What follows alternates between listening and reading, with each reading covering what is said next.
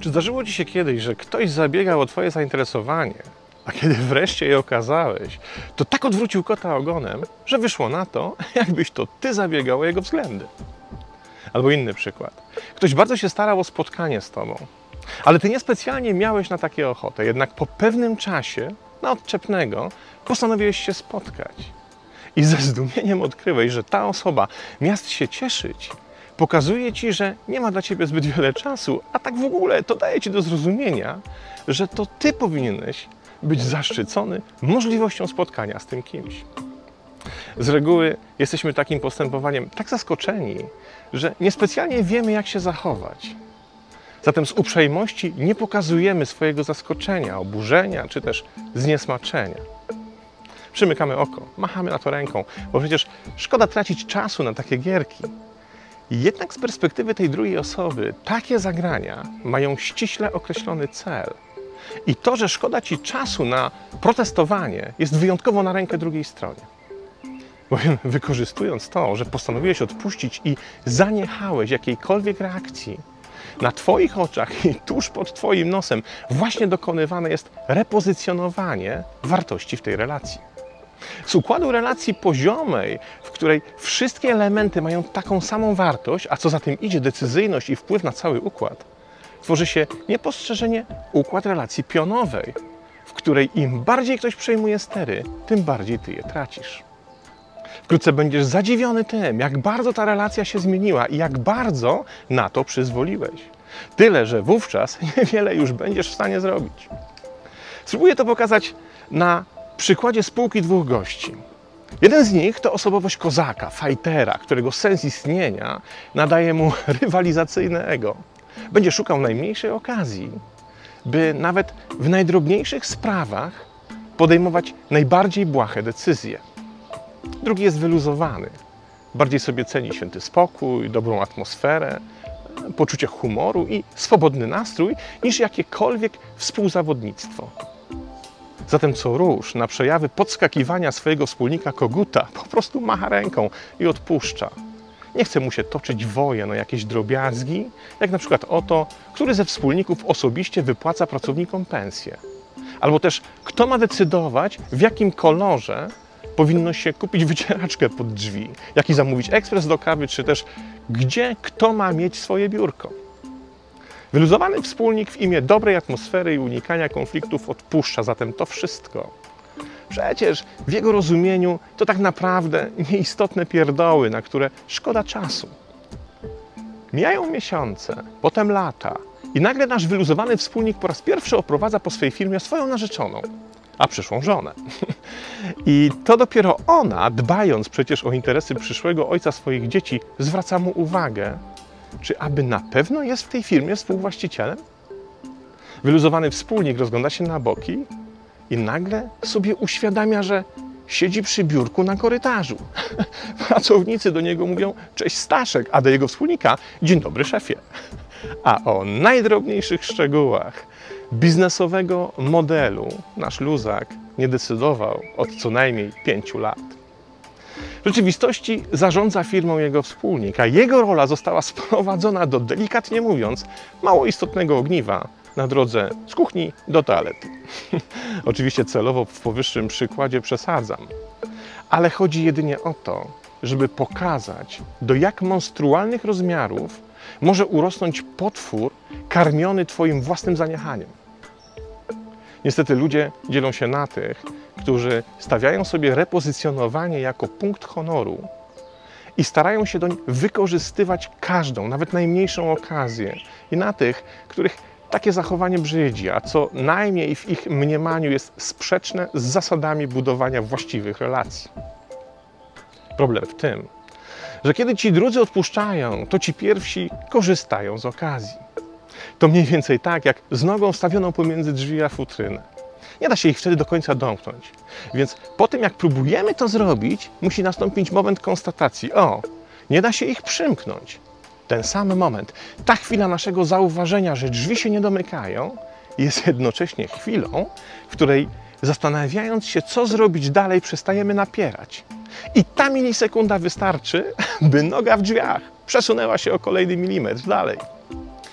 Zatem ponawiamy próbę domknięcia drzwi i ponownie konstatujemy, że się nie domykają. I to jest kolejny moment okazji do tego, by noga klinująca drzwi znowu przesunęła się o milimetr w naszą stronę. Pamiętam naszego poprzedniego psa. Cóż to było za sprytne psisko. Chadzaliśmy z nią do naszego ulubionego pubu. W przejściu między stolikami podłoga była wyłożona dającymi chłód kaflami, zaś w obrębie stolików dywanową wykładziną. Oczywiście pilnowaliśmy, żeby psisko leżało pod stolikiem na wykładzinie i nie tarasowało przejścia. Ale wystarczyły sekundy nieuwagi, by alfa przesuwała się o kilka milimetrów w stronę chłodnych kafli. No dobra, przecież nie będziemy reagować i toczyć z nią bojów o byle milimetr. A tymczasem hyc i psisko leży już pół metra dalej, dokładnie w samym centrum przejścia. Repozycjonowanie jest możliwe, ponieważ wykorzystuje dość specyficzny rodzaj naszej reakcji, a mianowicie to, że nie zawsze nam się chce reagować. No przecież to idiotyczne, by się spierać przy byle pierdole, protestować przy byle czym. Skoro zaś nie protestujemy, to jednocześnie tym samym dajemy coraz większe przyzwolenie na zachowania, które prędzej czy później pozwolą przejąć kontrolę nad układem relacji. Zgadzamy się powoli na większość takich zabiegów, bo wydają nam się drobiazgami, a w rzeczywistości stoi za nimi ukryty cel. Mają nas przyzwyczaić do innego myślenia o tej relacji. I najwyższy czas zadać sobie pytanie, po co ludzie to robią? Dlaczego nie potrafią odpuścić najmniejszej okazji do repozycji? Przyczyn jest wiele. Najprostszą i zarazem najczęstszą jest jakiś ich interes, i to zarówno ten, który można zmierzyć, zważyć czy wycenić w świecie fizycznym, jak na przykład konkretne profity płynące z zajmowania wyższej pozycji w relacji, jak i w świecie, który ma miejsce wyłącznie w ich głowie.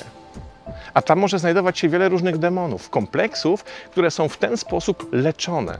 Braku akceptacji własnych niedoskonałości, potrzeby budowania autoautorytetu, konceptu, w którym sami sobie muszą nieustannie udowadniać swoją wartość. Więc robią to za pomocą budowania uległości innych. Bo przecież z ich perspektywy, jeśli udziela się im pozwolenia na takie zachowania, to staje się to dowodem na ich wyższość. I to pod każdym możliwym względem intelektualnym, emocjonalnym czy też stratyfikacyjnym. Udowadniają wówczas sobie wielkość poprzez na przykład poniżanie czy też manipulowanie innymi. Tak ustawiają sytuację, by nikt nie był nigdy zdziwiony, że wszystko działa na ich korzyść. I im bardziej się to im udaje, tym nabierają większej pewności siebie. I tym trudniej się im przeciwstawić, bo przecież wypracowali sobie taką, a nie inną pozycję. I przy okazji przyzwyczaili wszystkich dookoła, że im się ona należy. Pamiętam kiedyś pewnego prezesa, dla którego firmy pracowałem jako zewnętrzny konsultant. Było to bardzo dawno temu, a pan prezes miał takie widzimisię, że zawsze kazał na siebie czekać. Zaś długość tych oczekiwań miała świadczyć o tym, jak pan prezes sobie oczekującego ceni. W każdym razie czekało się zawsze. Pamiętam, jak pierwszy raz zderzyłem się z panem prezesem, kiedy w spotkaniu z nim przyszło mi wyręczyć jednego z kolegów czekałem pod gabinetem z gadającym przez telefon w środku prezesem. Jakieś 15 minut od wyznaczonej godziny. Po czym poinformowałem grzecznie sekretarkę, że sobie idę, bo czeka mnie inne spotkanie niebawem, a nie lubię się spóźniać. Już po krótkim czasie doszły do mnie informacje, jak to pan prezes strasznie się wściekł moim zachowaniem. I jak strasznie go uraziło to, że nie zechciałem poczekać. I wiesz co? Co jest w tej historii najśmieszniejsze? Otóż wszyscy mieli mi za złe, że nie poczekałem. A ich argumenty były zawsze takie same. No, przecież mogłeś tym razem odpuścić. Przecież wiesz, że pan prezes taki już jest. Problem jedynie w tym, że z mojej perspektywy niech se pan prezes będzie jaki chce, ale czemu moim kosztem? I najgorsze jest to, że pan prezes tak sobie wychował wszystkich dookoła, że uważali oni system oczekiwania pod gabinetem za zupełnie naturalny. Nie ma w tym niczego naturalnego. to manipulowanie otoczeniem, wykorzystując ich drobne przyzwolenia, machanie ręką na to, że ktoś taki po prostu jest. I szkoda przecież czasu na walczenie z takim mało w sumie istotnym dziwactwem. To manipulowanie, by otoczenie przyzwyczaić do takiego, a nie innego stylu budowania relacji i by po jakimś czasie niepostrzeżenie stało się to nie budzącą sprzeciwu, ani nawet zdziwienia normą. Jak zatem się bronić przed repozycjonowaniem? I to niezależnie od tego, na jakim szczeblu ono występuje. Niezależnie od tego, czy robi to Twój kumpel, współpracownik, czy szefowa w pracy. Bo nawet w przypadku przełożonych takie zachowanie prędzej czy później doprowadzi do absolutnie toksycznej relacji zawodowej. Do sytuacji, w której znienawidzony przełożony sieje nienawiść i strach. A to na dłuższą metę, niezależnie ile za to dostajemy co miesiąc pieniędzy, zniszczy naszą psychikę. I tutaj nie ma taryfy ulgowej czy wyjść na pół gwizdka. Jedynym sposobem repozycjonowania relacji jest ukręcenie łba hydrze. Póki jest jeszcze w miarę mała, trzeba zabić smoka na jak najwcześniejszym etapie i nie pozwolić mu, by wykorzystując nasze zaniechanie, urósł do rozmiarów, które same w sobie spowodują, że nie da się już go pokonać. Mały smok ginie od jednego celnego pchnięcia mieczem.